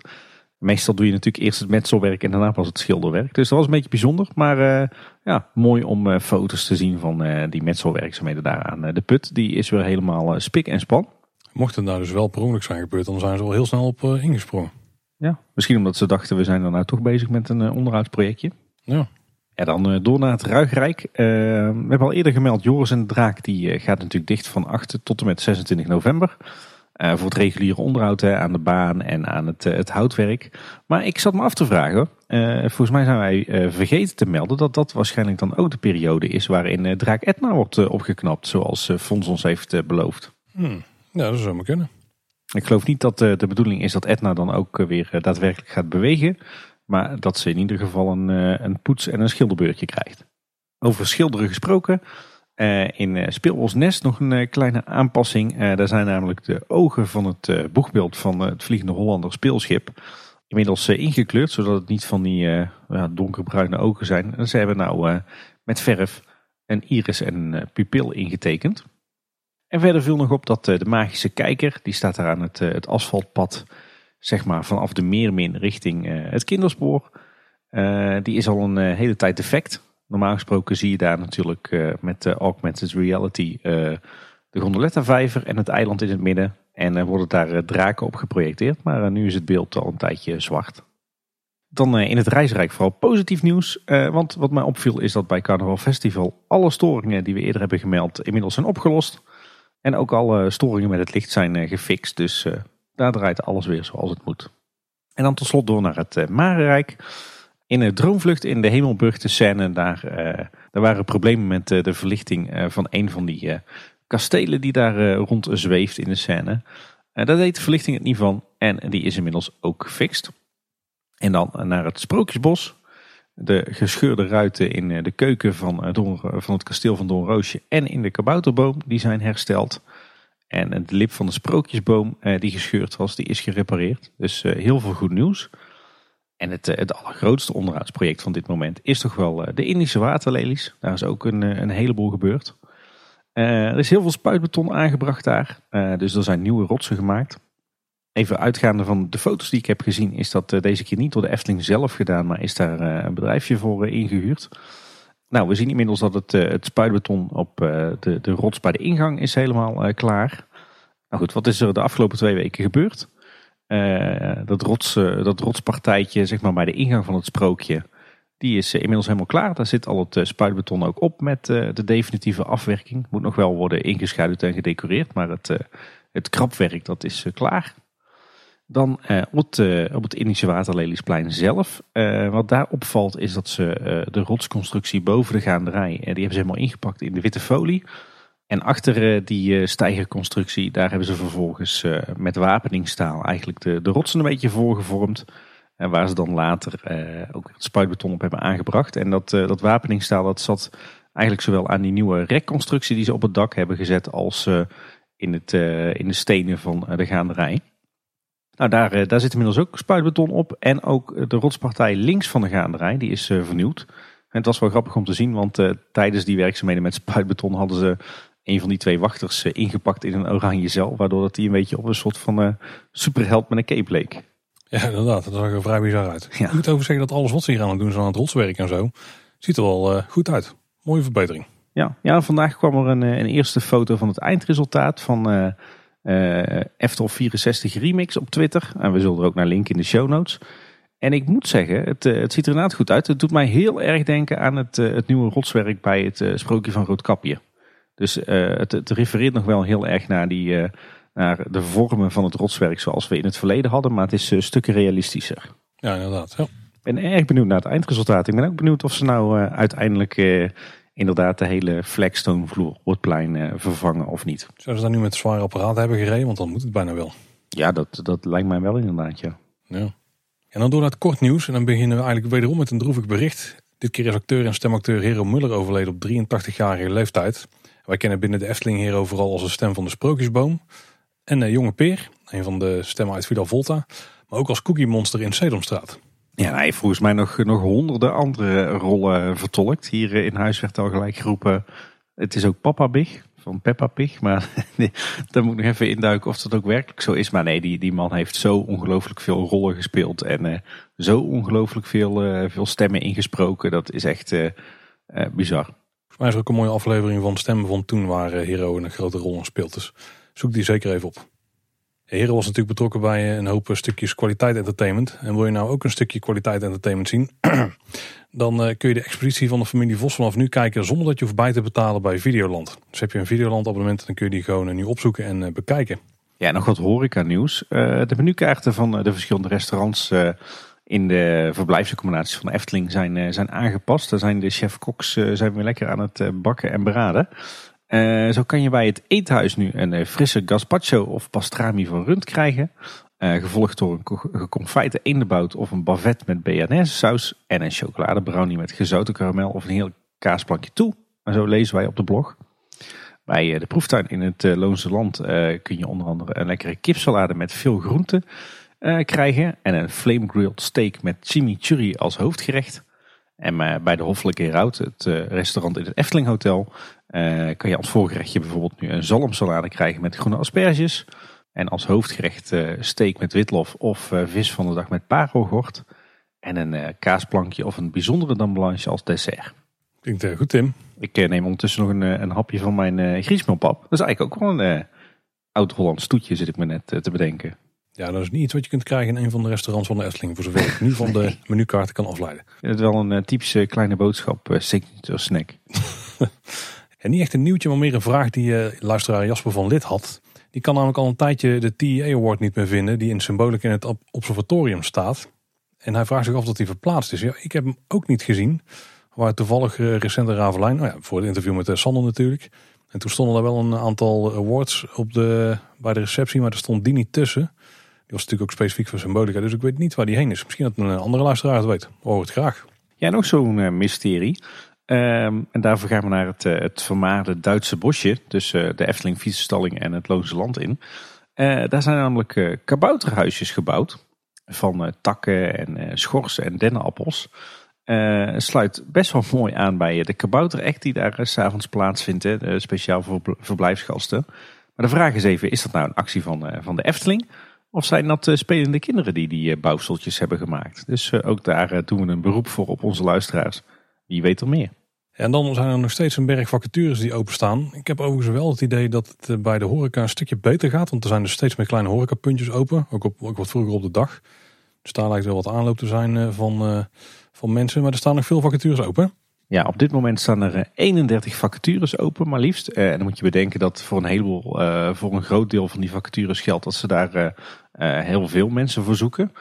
ja, we gaan natuurlijk niet de hele lijst opzommen. Hè. Dat, die kan je gewoon vinden op de Efteling website. Maar een selectie van ja, toch de meest interessante vacatures. ze zoeken op dit moment onder meer een procescontroller, finance en salaris support een systeem- en netwerkbeheerder bij de IT-afdeling. Een werkvoorbereider eh, voor beveiliging en hulpverlening. Ze zoeken eh, medewerkers voor de entree en voor de toiletten. Ze zoeken een HR-consultant, dus dan ga je in personeel en organisatie werken. Ze zoeken ook een, een engineer voor de nieuwe afdeling technisch ontwerp. Dat was voorheen volgens mij de afdeling engineering. Vond het wel bijzonder trouwens, want meestal dan zoeken ze een bouwkundige engineer of een elektrotechnische engineer of een werktuigbouwkundige engineer. Maar ze zoeken gewoon een, eh, een algemeen engineer. Ik wist niet dat die bestonden. Uh, verder uh, zoeken ze ook nog een engineer elektrotechniek beheer. Een vakman specialist audio en licht. Nou, dat is ook vrij duidelijk wat je dan moet gaan doen. Monteur elektrotechniek. En een tactisch team lead horeca fast service. Een hele mond vol. Zo. Ik denk, wat is dat in vredesnaam? Uh, nou, de vacature, de tekst, die zegt erover... als tactisch team lead horeca heb je de focus op de toekomst. Je bent financieel en commercieel eindverantwoordelijk voor een horecaformule binnen het park en de optimalisatie hiervan. Nou, dan weet je eigenlijk nog niet heel veel. Maar goed, als je in die sector werkt, dan eh, weet je waarschijnlijk wel wat daar bedoeld wordt. En verder worden er eh, opnieuw audities gehouden voor Caro. Dus als je een rolletje wilt in die show, uh, sla je slag. Ze zoeken nog allerlei chef-koks en zelfstandig werkend koks. Voor zowel in het park als bij de hotels en resorts. En er zijn ook nog allerhande andere baantjes en bijbanen in de exploitatie van het park en hotels en resorts. Dus de, ze zoeken enorm veel personeel bij de Efteling nog steeds. Ja, ze proberen zelfs bij bezoekers van de Efteling aan te prijzen dat je daar ook kunt gaan werken. Want boven de schermen bij de kaartcontrole eh, kun je de spreuk af en toe zien langskomen. Werk mee aan verwondering. En ook op de toiletten, ook bij de gastentoiletten. Daar hangen ook posters met werk mee aan de verwondering. Bekijk de vacatures en solliciteer. En er staat dan een QR-code bij om ze te checken. En er wordt ook vermeld, en ik vraag me af hoe ze dit in de praktijk nu gaan waarmaken, maar dat je als medewerker gratis toegang krijgt tot de Efteling. Ik zie dat daar een heel groot eh, sterretje bij staat met, dat is waarschijnlijk pas na de zomer weer. Maar het is normaal gesproken inderdaad wel een leuke perk als je bij de Efteling werkt. Ja, alleen eh, nu tijdens eh, corona kan het dus even niet.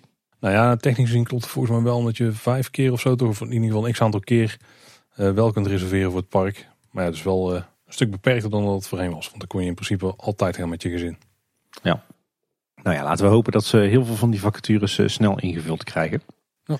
Dat is ook een interessante samenwerking. Efteling gaat samenwerken met Witte Kruis Evenementenzorg. En uh, zij worden ingehuurd om het, het eigen EHBO-team van de Efteling op de drukkere dagen te ondersteunen. Ja, en nog een andere samenwerking die de Efteling verder heeft uitgebreid is de samenwerking met Stichting Het Vergeten Kind. Op 26 juli deed de Happy Tour namelijk de Efteling aan. Ik dat die onder andere een, een klein terrasje hadden opgezet voor de waterorgel Tim. Dus niet binnen, maar daar buiten onder het afdak, want het ging niet ook slecht weer worden. Het Vergeten Kind mag daarbij twee keer per jaar in de zomer en in de winter de Happy Tour in de Efteling organiseren. En daarbij krijgen ze de mogelijkheid een paar gezinnen uit te nodigen die een dag of een heel weekend verwondering krijgen. Fons zegt er nog over, samen met het Vergeten Kind zorgen we ervoor dat duizenden kinderen een betoverende dag kunnen beleven in ons attractiepark. En mocht je nou afvragen, wat is dan Stichting Het Vergeten Kind? Dat is een stichting en die geeft support en die komt op voor duizenden kinderen in Nederland die het heel moeilijk hebben omdat er thuis ehm, veel problemen zijn. Samenwerking is overigens niet nieuw. afgelopen jaren mochten al eh, een aantal gezinnen uit Nederland een heel dag de Efteling in. En dan werden ze helemaal in de watten gelegd. Maar nu zijn ze dus aan het uitbreiden. Ja, inderdaad. Ja, volgens mij was het de afgelopen jaren telkens uh, één dag per jaar. Volgens mij ergens in het najaar. Ik weet dat, uh, dat Anne, mijn vrouw, daar ook geregeld mensen voor mocht nomineren vanuit de gemeente waar zij werkte. Dus de Efteling had al wel een warme samenwerking met die stichting. Maar denk een heel mooi initiatief. Want ja, je kan er zeker van zijn dat, dat dit de enige manier is waarop deze, deze gezinnen en deze kinderen ooit de Efteling kunnen zien. En ja, dat wordt ook enorm gewaardeerd door die mensen. Dus de prachtige initiatief. Heel mooi dat Efteling daar meewerkt. Ja, als we het toch over mooie initiatieven hebben. De verpleeghuizen Rozengaarden en Park Vossenberg. Die hebben ieder weer acht wandelkaarten gekregen. Waarmee bewoners toegang hebben tot het park voor een wandelingetje. En die wandelkaarten waren tijdens de coronacrisis opgeschort. Maar zijn nu dus weer beschikbaar voor bewoners. Ja, en de Rozengaarden en Park Vossenberg zijn eigenlijk twee verpleeghuizen hier in, in de Cats. Ja, eentje zit echt gewoon ongeveer op de plek van de oude ingang van de Eftelingen. Ja. en, en, nog meer eh, goed maatschappelijk nieuws. Uh, Renewy, de, is volgens mij de nieuwe naam voor uh, afvalinzamelaar voor Ganswinkel. Uh, die zamelt sinds de heropening van het, van het park eerder dit jaar nu ook het PMD-afval apart in. Voorheen was het zo dat, dat het alleen mogelijk was bij huishoudens. Dus zeg maar het PMD-afval wat je zelf scheidt. Uh, maar was dat eigenlijk niet mogelijk bij bedrijven. We hebben daar Wieke Smit ook al eerder over gehoord. In eh, de aflevering die we met haar maakten over eh, de Efteling en duurzaamheid. Aflevering 123 was dat. Maar nu wordt het toch een, is het toch gelukt om dat wel te doen. Maar is het alleen wel zo dat vooralsnog alleen het afval van achter de schermen gescheiden wordt opgehaald. Dat gaat over de keukens, het magazijn en de kantoren. Afval dat door bezoekers wordt ingeleverd, dat is nog niet schoon genoeg, tussen aanhalingstekens. Dus dan moet je er echt zeker van zijn dat het, het PMD-afval wat je apart inzamelt, dat het ook echt 100% eh, PMD is. En de ervaring ligt dat dat op plekken als Efteling zeker niet te garanderen is. dus vandaar dat ze nu in ieder geval beginnen met de gescheiden inzameling van PMD achter de schermen. En dan nog met duurzaamheidsnieuws. Want er stond een artikel in Solar Magazine. En daar stonden nog wat details in over onder andere de zonnecarport die gaat verschijnen bij de Efteling. De Efteling heeft namelijk subsidie gekregen voor een zonnecarport van 4,8 megawatt piek. En dat is uh, vrij veel, Tim. dat leg je niet op een, uh, op een paar huizen, zeg maar. Ik denk dat je met een woonwijkje al vrij veel moeite hebt om zo'n vermogen te krijgen. Dat geloof ik wel. Als ze heel vak M gaan volleggen met zonnepanelen, dan heb je ook een aardig oppervlak te pakken. Daarbij stond nog een ander detail. En dat is dat de Efteling binnen het attractiepark ook nog een zonnedak gaat leggen van 80 kilowatt piek. Ja, welk dak zou er dan zijn? ja, er zijn geruchten dat uh, ooit het dak van Carnaval Festival in de race was voor uh, zonnepanelen. En dat uh, ja, zou daar natuurlijk ook wel geschikt voor zijn, lijkt mij. Daar hebben ze wat dingen aangepakt. Ja, dat is wel een van de grotere platdaken die nog zonnepaneelvrij zijn op dit moment. Ja. Nou. Nog nieuws van Villa Padus. Want in de tuin is een, een houten shelter, een houten schuilhut geplaatst. En, en die is aangeboden aan Villa door de stichting Paliter. En in de schuilhut zijn speciale voelborden aangebracht op rolstoelhoogte. Uh, die zijn gemaakt door de kinderen van basisschool Tresia uit Waalwijk. En dat is dan weer mede mogelijk gemaakt door de stichting Kinderpostzegels. En het hutje zag er bijzonder vrij uit. Ja, Tim, we hebben plannen om een keer een aflevering te gaan maken met de dingen die je in de buurt van de Efteling nog kunt doen. Zoals je bijvoorbeeld in een van de verblijfsaccommodaties zit van de Efteling zelf of misschien in de buurt van het park. Maar Pieter en Pris die zijn ons een beetje voor geweest daar. Overigens hebben ze daar wel input voor gevraagd bij wandelende VVV Tim Hinsen. Namelijk in de nieuwe vlog Wat te doen in de buurt van de Efteling. Zeker een kijktip hè? Ja, inderdaad. Ze gaan onder meer naar eh, de Tilburgse kermis, naar eh, Dolores en eh, ze gaan eten in Bosrijk. Hele leuke video geworden. En ja, denk ik een mooie eerste aanzet. En ja, wij gaan, we, we, kunnen wel beloven dat we in 2022 een aflevering gaan maken wat er volgens ons nog allemaal te doen is rond de Efteling, toch? Ja, zover loopt onze planning al vooruit inderdaad. Ik zag vandaag dat we tot medio april 2022 al gevuld zijn, Paul. Zo. Nou, dat is allemaal flexibel hè? dat leert de ervaring wel, ja. Dat moeten we af en toe wel zijn. En de Efteling die had wat gedoe met de auteursrechten, maar er is een Oost-Duits Vrijtzeitpark, Vrijtzeitpark Pleun. Die kan er ook nogal van. Die blijken nogal wat lelijke kopieën te hebben van uh, Eftelingse creaties, waaronder die van de Trollenkoning. Efteling zelf was daar dus niet van op de hoogte, maar ja, Loopings heeft er foto's van gekregen. Volgens mij zijn die door Hessel gemaakt niet, niet Wessel, maar Hessel in dit geval. Die was daar op bezoek. En uh, nou, er staan echt een paar ontzettend lelijke creaties, joh. Ja, inderdaad. Er staat naast de Trollenkoning staat er ook nog een goedkope kopie van Langnek. En maar ook de Laaf Ludwig staat er. het zandkasteel van Klaas Vaak uit Bosrijk. En allemaal van een zeer bedenkelijk niveau. Het, leek, deed mij een beetje denken aan het oude sprookjesbos van Fantasialand. En dat van Europa Park van een jaar of twintig geleden. Dat is wel een beetje, een beetje dat niveautje, zeg maar. ja, en dat is hoog niveau, joh. Nou, de Efteling zelf die gaat er in ieder geval geen juridische stappen tegen ondernemen. En ze zeggen er zelf over dat het grappig is om te zien dat we over de grens een inspiratiebron zijn. Als je ergens natuurlijk de goede variant wil zien, dan moet je gewoon naar Kaatsheuvel komen. En de reactie van de Efteling was ook lichtelijk ironisch, had ik eh, de indruk. Ja, ik denk dat ze zich niet heel uh, druk om kunnen maken. Nee. Dan uh, de internationale pretparkwebsite uh, Blue Loop. Uh, ook heel interessant om te volgen. Die had recent een uitgebreid interview met Fons Jurgens, onze algemeen directeur natuurlijk. Um, er stonden heel veel dingen in die we al wel kennen van, van Fons en die het afgelopen jaar voorbij zijn gekomen. Met name natuurlijk over de coronacrisis, de financiële situatie en de uitbreidingsplannen. Maar wat leuk was om te lezen is dat de toekomstvisie van de Efteling eigenlijk gestoeld is op drie uh, belangrijke items op uh, plezier of fun, zoals het dan uh, heet natuurlijk in dat interview, op inclusiviteit en op duurzaamheid.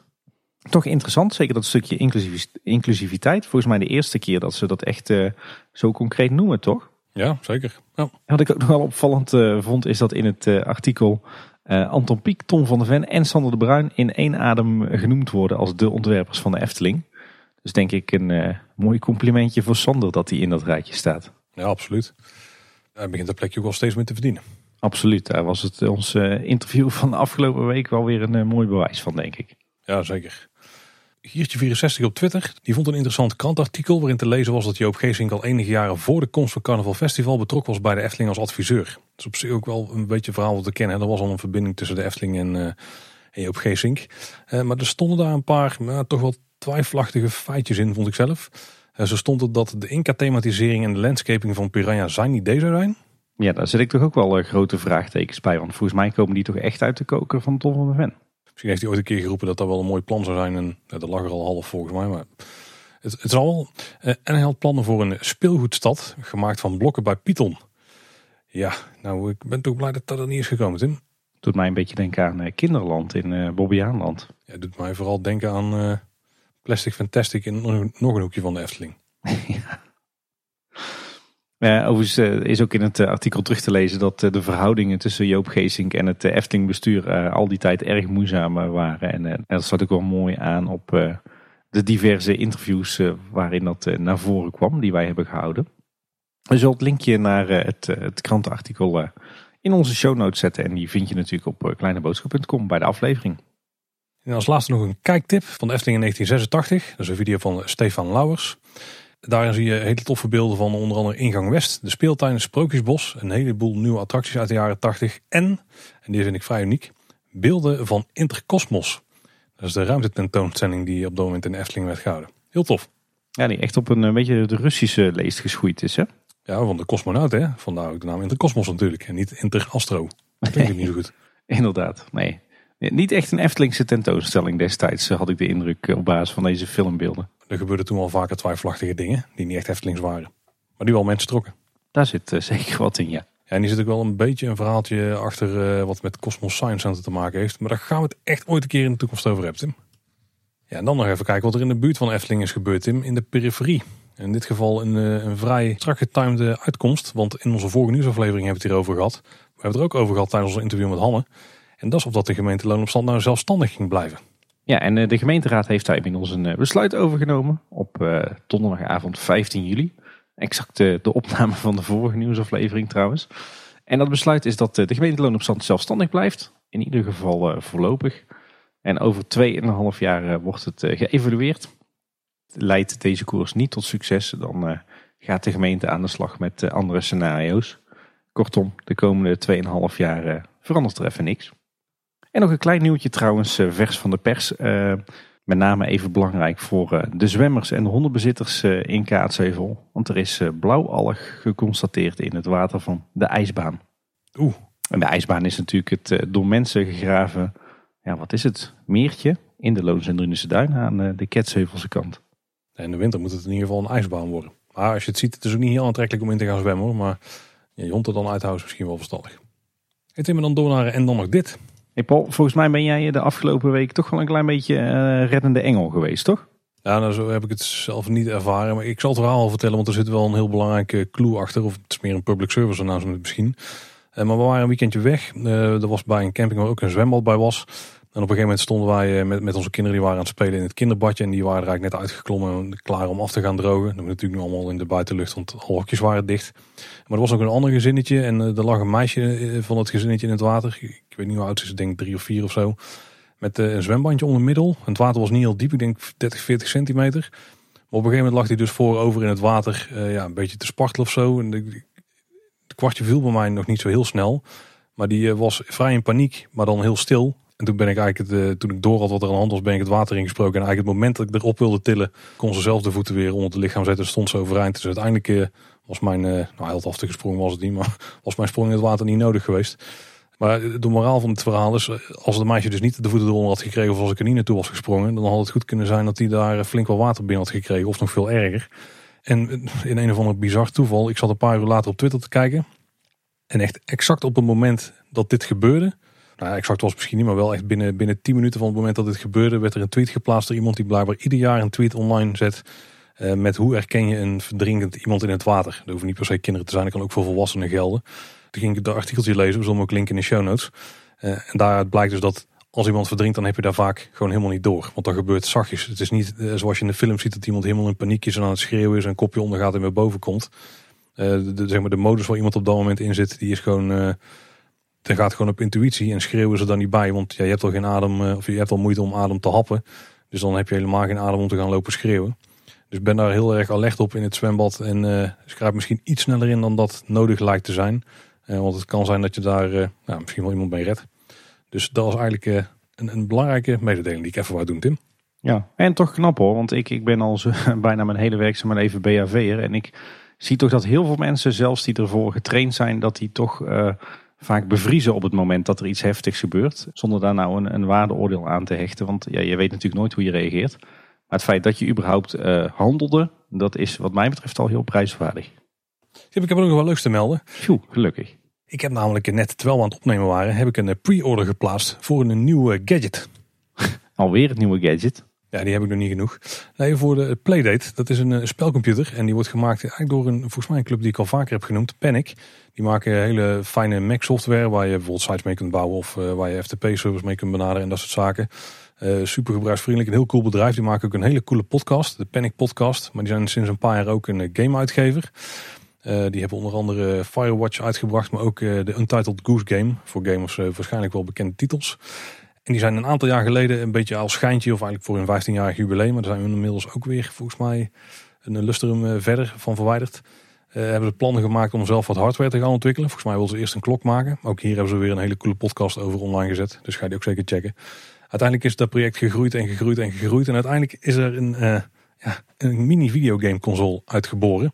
De Playdate dus. Echt een knalgeel ding met een D-pad, twee knopjes, uh, A, B en een vrij bijzonder zwart-wit scherm. Dat ziet er wel heel cool uit. Maar wat ook wel heel cool is, is dat daar een soort, er zit een, een, een crank zit erop. Dus een draaiarmpje. En ook daar hebben ze dan dus een aantal eh, game mechanismen mee gedaan. Wat ook vrij uniek is, is dat je dus bij de aanschaf van het apparaat, dan krijg je de games er gewoon bij. Volgens mij kun je uiteindelijk ook een soort, een, soort pas kopen waarbij je steeds nieuwe games krijgt. Ik moet zeggen dat ik met daar niet eens in verdiend. Maar een aantal van de gameconcepten die spraken me enorm aan. Dus ik heb hem bijna blind aangeschaft. Ook omdat het panic is trouwens en niet altijd coole dingen regelen. Uh, dus een vrij bijzondere gameapparaat met uh, vrij unieke games denk ik die er ook op gaan verschijnen. Dus uh, geef er iets om, gaat zeker checken. Het is, het de meest indie game console die je maar kunt voorstellen. En hij lijkt vrij populair te zijn, want ze hadden volgens mij pre-orders voor 20.000 stuks voor 2021. Maar toen ik ging bestellen, en dat was een uurtje naar dat het kon of zo, was het al voor een leverdatum van 2022. Ik, eh, ik moet zeggen, ik eh, kan weinig volgen van wat je hebt verteld, want het is niet echt mijn wereld. Maar ik heb ondertussen even de website op, opgezocht. Maar het is volgens mij ook echt wel een, een vintage dingetje, toch? Qua, qua vormgeving en zeker qua spelletjes. Het is wel echt uh, terug een beetje naar, denk ik, jouw tienerjaren een beetje. Ja, dat is wel een beetje het idee wat mee is begonnen. Alleen uiteindelijk is het een vrij geavanceerd ding en is het vooral inderdaad die uitstraling. Wat eigenlijk hebben gedaan is dat ze een aantal creatieve uh, grenzen hebben moeten stellen, zeg maar. Dus bijvoorbeeld het scherm, want dat is gewoon echt zwart en wit. En er zijn enige kleuren die pixels kunnen zijn, maar wel met hele hoge resolutie. En dat is natuurlijk heel beperkend. En je hebt maar één D-pad en twee knopjes, plus dan dus die draaiarm. Dus daarmee uh, ja, heb je wat creatieve limieten waar je binnen moet werken, wat meestal wel uh, uitmondt in hele toffe games. Dus dat is ook de hoop die ze hebben. Ik wens jou daar veel plezier mee, Paul, als hij uitkomt. Maar hopelijk uh, blijft er ook nog wel wat tijd over voor kleine boodschap. Ja, dat is meestal wel goed te combineren hopelijk. er zijn volgens mij geen spellen waar je echt uren aan kwijt bent. Dus dat moet goed gaan komen. Hey Tim, de vorige keer toen uh, vertelde je dat je naar de Toverland camping zou gaan. Daar ben je nou inmiddels geweest. Hoe is dat bevallen? Ja, eigenlijk eh, best wel goed. We hebben een ontzettend leuk weekend gehad. Het was lekker weer, dus dat, dat zat al mee. Um, ja, ik heb eigenlijk stiekem best wel gewoon een heel weekend in de, de Toverland bubbel gezeten. En dat beviel best wel goed moet wel zeggen, ik ben wel bevestigd in het, uh, in het feit dat ik uh, echt geen typische kampeerder ben. Ik ben echt niet van uh, de luxe accommodaties meer tegenwoordig met, met de kids. Maar ik heb toch gewoon net even iets meer voorzieningenniveau dan nodig dan een camping met een tentje. Maar zo voor één overnachting was dat prima te doen. Ja, dat beviel gewoon prima. het was een, een heel simpel tentje. Ja goed, en verder hebben we eigenlijk gewoon een hartstikke leuk weekend gehad in Doveland. Twee volle dagen in het park geweest. Uh, uiteindelijk uh, de, de zaterdag ook pas laat terug naar de camping. Nou ja, wat doe je dan? De kinderen uh, op bed leggen, nog even een paar uurtjes aan de tuintafel zitten met een, met een boekje. Nou, ik geloof dat het 11 uur s'avonds, zoals eer Toverland, een beetje stil was. en toen als een blok geslapen. Alleen even wat, wat gedoe met het ontbijt. Want door een foutje waren ze vergeten ontbijtboxen te bestellen. Maar nou ja, uiteindelijk kwam dat ook wel weer goed. Maar dat was allemaal, uh, allemaal best aardig uh, verzorgd. Sanitair was niet echt, uh, echt mijn ding. Maar goed, ook dat is voor één, één nachtje wel te, te overkomen. Maar ja, je zit dan echt gewoon een heel weekend in in die Toverland sfeertje. Ja, en het park zelf gewoon twee superleuke dagen gehad. Het was redelijk druk, maar toch alle attracties kunnen doen die we wilden doen. En ja, eerlijk gezegd, het doet me wel een klein beetje pijn als Efteling-liefhebber in hart en nieren. Maar ik moet zeggen dat Toverland toch een aantal dingen wel heel goed voor elkaar heeft. Uh, stiekem misschien zelfs wel een beetje beter dan de Efteling. Als ik bijvoorbeeld kijk hoe het uh, groen er nu bij staat in Toverland. Ja, dat staat er stiekem toch wel beter bij dan in de Efteling waar nu uh, amper bloemen te vinden zijn. Maar ook bijvoorbeeld het entertainment in Toverland op dit moment. Ja, het spijt me, maar dat vind ik toch interessanter dan wat de Efteling op dit moment aanbiedt. Hele toffe duikshow ook daar trouwens in Toverland. Een eh, klein beetje die uh, jaren 80, 90 vibe. Toen waren dat soort shows natuurlijk heel uh, populair in pretparkland. Maar ja, op de een of andere manier is dat toch wat mensen willen zien. Want wij zijn de, zowel op zaterdag als op zondag naar die show geweest. Verder ook heel veel toffe entertainment op straat. Heel veel toffe characters. Um, en ook qua eten en drinken moet ik zeggen dat Toverland toch ook wel heel hard op weg is naar, naar Efteling niveau. De zondagavond trouwens ook prima gegeten in de Flaming Verder. De zaterdag konden we er niet terecht, want het was gewoon te druk. Maar zondag daar een uh, prima uh, diner gehad nog. Nou, als toetje nog even om de beurt in uh, Phoenix gegaan. Terwijl de kinderen in de waterspeeltuin aan het spelen waren. Dus ja, ik heb topweekend gehad. Ook heel vriendelijk personeel weer overal. ook nog even gauw het jubileumblaadje over 20 jaar Toverland meegegrist. er staan een heleboel bekende pretparkfan gezichten in. Dus ja, nee, eigenlijk superleuk weekendje Toverland. Ja, tof. Absoluut een, uh, een aanrader, denk ik, voor uh, de liefhebbers van Toverland en de liefhebbers van pretpark in algemene zin.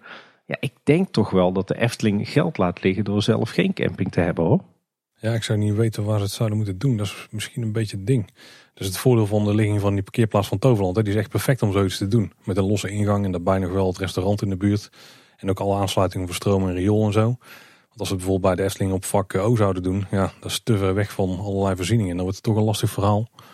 En op, ja, op andere plekken, ik zou niet weten wat ze zouden kunnen doen. Of ze zouden een hele kleine moeten maken naast de Python of zo. Maar ook daar heb je logistiek wel wat issues. Ja, ik zit dan toch meer te denken aan een meer wat, wat permanentere camping. Eh, ergens op een van die grasvelden tussen de Eftelingse straat en het golfpark. Nou, dat zou zomaar kunnen, ja. Zeker nee. permanent. Ik denk dat de Efteling daar wel oren naar heeft. Ja. Maar dat is iets, uh, dan moeten we denk ik eerst de uitbreiding aan het oosten gaan zien verschijnen. En dan kunnen ze op dat soort dingen gaan focussen. Ja, daar heb je, heb je denk ik wel een goed punt. Goed, ik, ben, ik merk wel, ik ben niet echt een typische kampeerder. Maar zo uh, voor zo'n weekendje was het uh, was prima te doen. Ja, wij vonden het ook heel tof toen. Zeker een aanrader. Jij was toen met, uh, met de camper daar, toch? Ja, er stond ook gewoon op de camping. Maar daar heb je natuurlijk iets meer faciliteiten zelf bij. Ja. Was jou waarschijnlijk ook iets beter bevallen. Gezien jouw campinggedrag.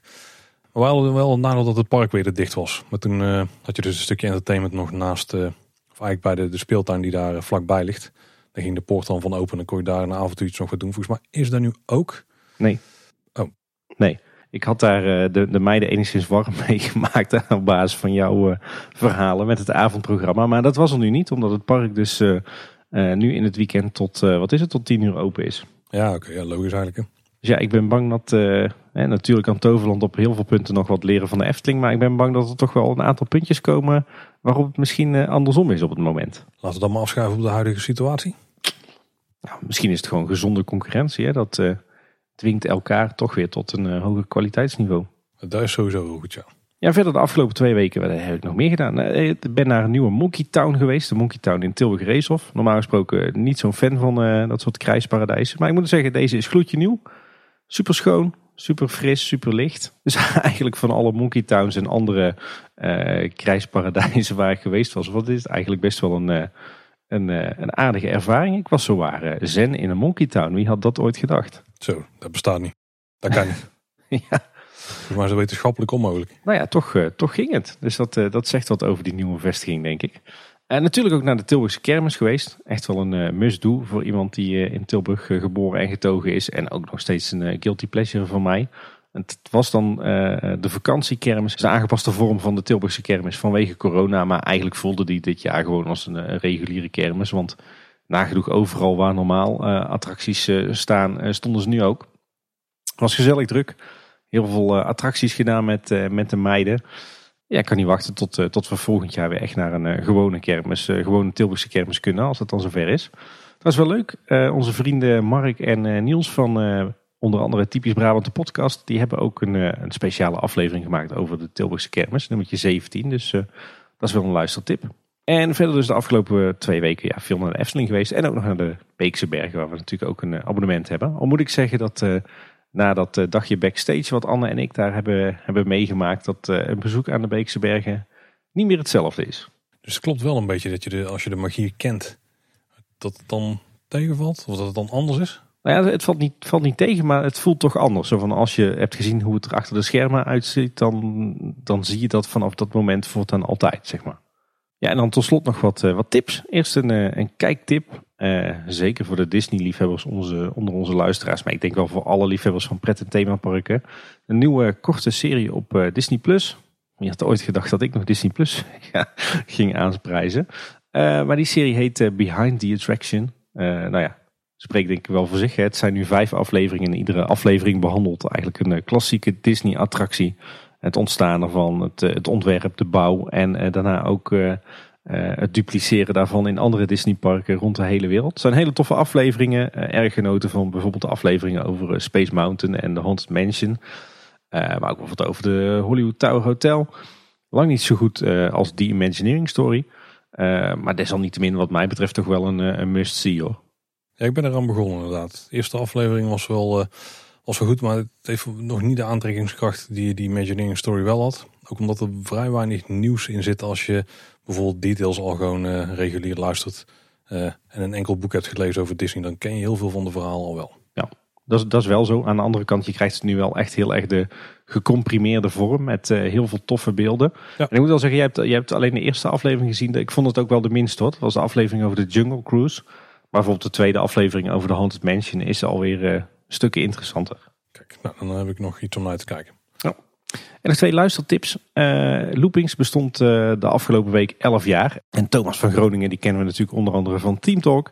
En die heeft een leuk interview opgenomen met, uh, met Wessel Wit over 11 jaar Loopings. Daar zullen we naar linken in de show notes. En wat ik ook een hele toffe vond is de podcast Beyond the Game. Van onze vriend Yves. Ook wel bekend als de milde dictator. En die podcast die gaat natuurlijk over escape rooms. En de vierde aflevering was een uitgebreide aflevering over Illusion, de escape room van, van Maurice Ziel en Roy Monde. Als je na de bespreking die we er uitgebreid vorige week over hebben gehad nog meer wil weten erover, ga dan zeker die aflevering luisteren. Sowieso een hele toffe podcast. Ja, dan zijn we er weer doorheen, Tim. Wat kortere nieuwsafleveringen dan de afgelopen keren. Maar dan krijgen toch een beetje richting de zomer, hè? Toch een beetje ja, die komkommertijd die er dan aankomt. Ja, in de zomer gebeurt er wat dat betreft uh, net wat minder aan, uh, aan onderhoud en, uh, en bouw. Maar goed, dat is lekker. Dan kunnen wij ook een klein beetje uitrusten.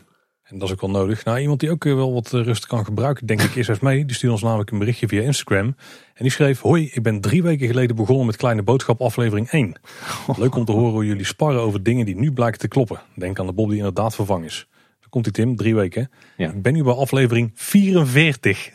Allemachtig. Goed bezig Esmee.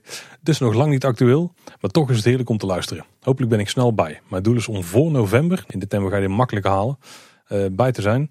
Dan staat er namelijk weer een Efteling bezoek op de agenda. Bedankt voor jullie mooie afleveringen. Groetjes. Nou Esmee, eh, respect.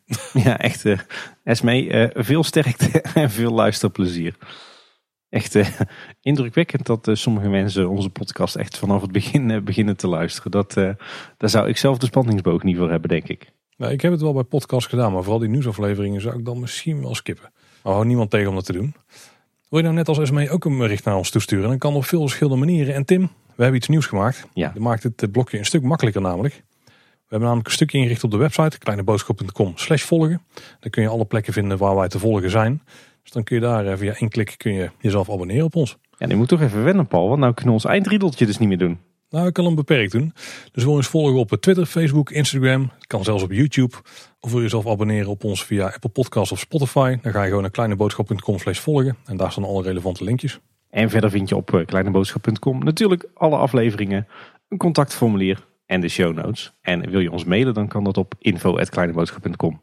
En als je dus hebt geabonneerd op Apple Podcast, dat is ook de plek om een review achter te laten. Bij voorkeur een geschreven review, maar je, mag natuurlijk ook gewoon uh, het aantal sterren geven wat jij Kleine Boodschap waard vindt. Kunnen we altijd heel erg waarderen. Het aantal twinkels. En heb je nou vrienden waarvan je denkt, die zouden Kleine Boodschap ook heel tof vinden. Of die moeten echt veel meer weten over de wereld van Simbad. Raad ze dan eens aan om Kleine Boodschap te luisteren of raad een specifieke aflevering aan. Dan uh, kunnen we zo de groep met luisteraars weer groter maken. Nou, dat was in ieder geval voor deze week. Bedankt voor het luisteren. Tot de volgende keer. En houdoe. Houdoe waar.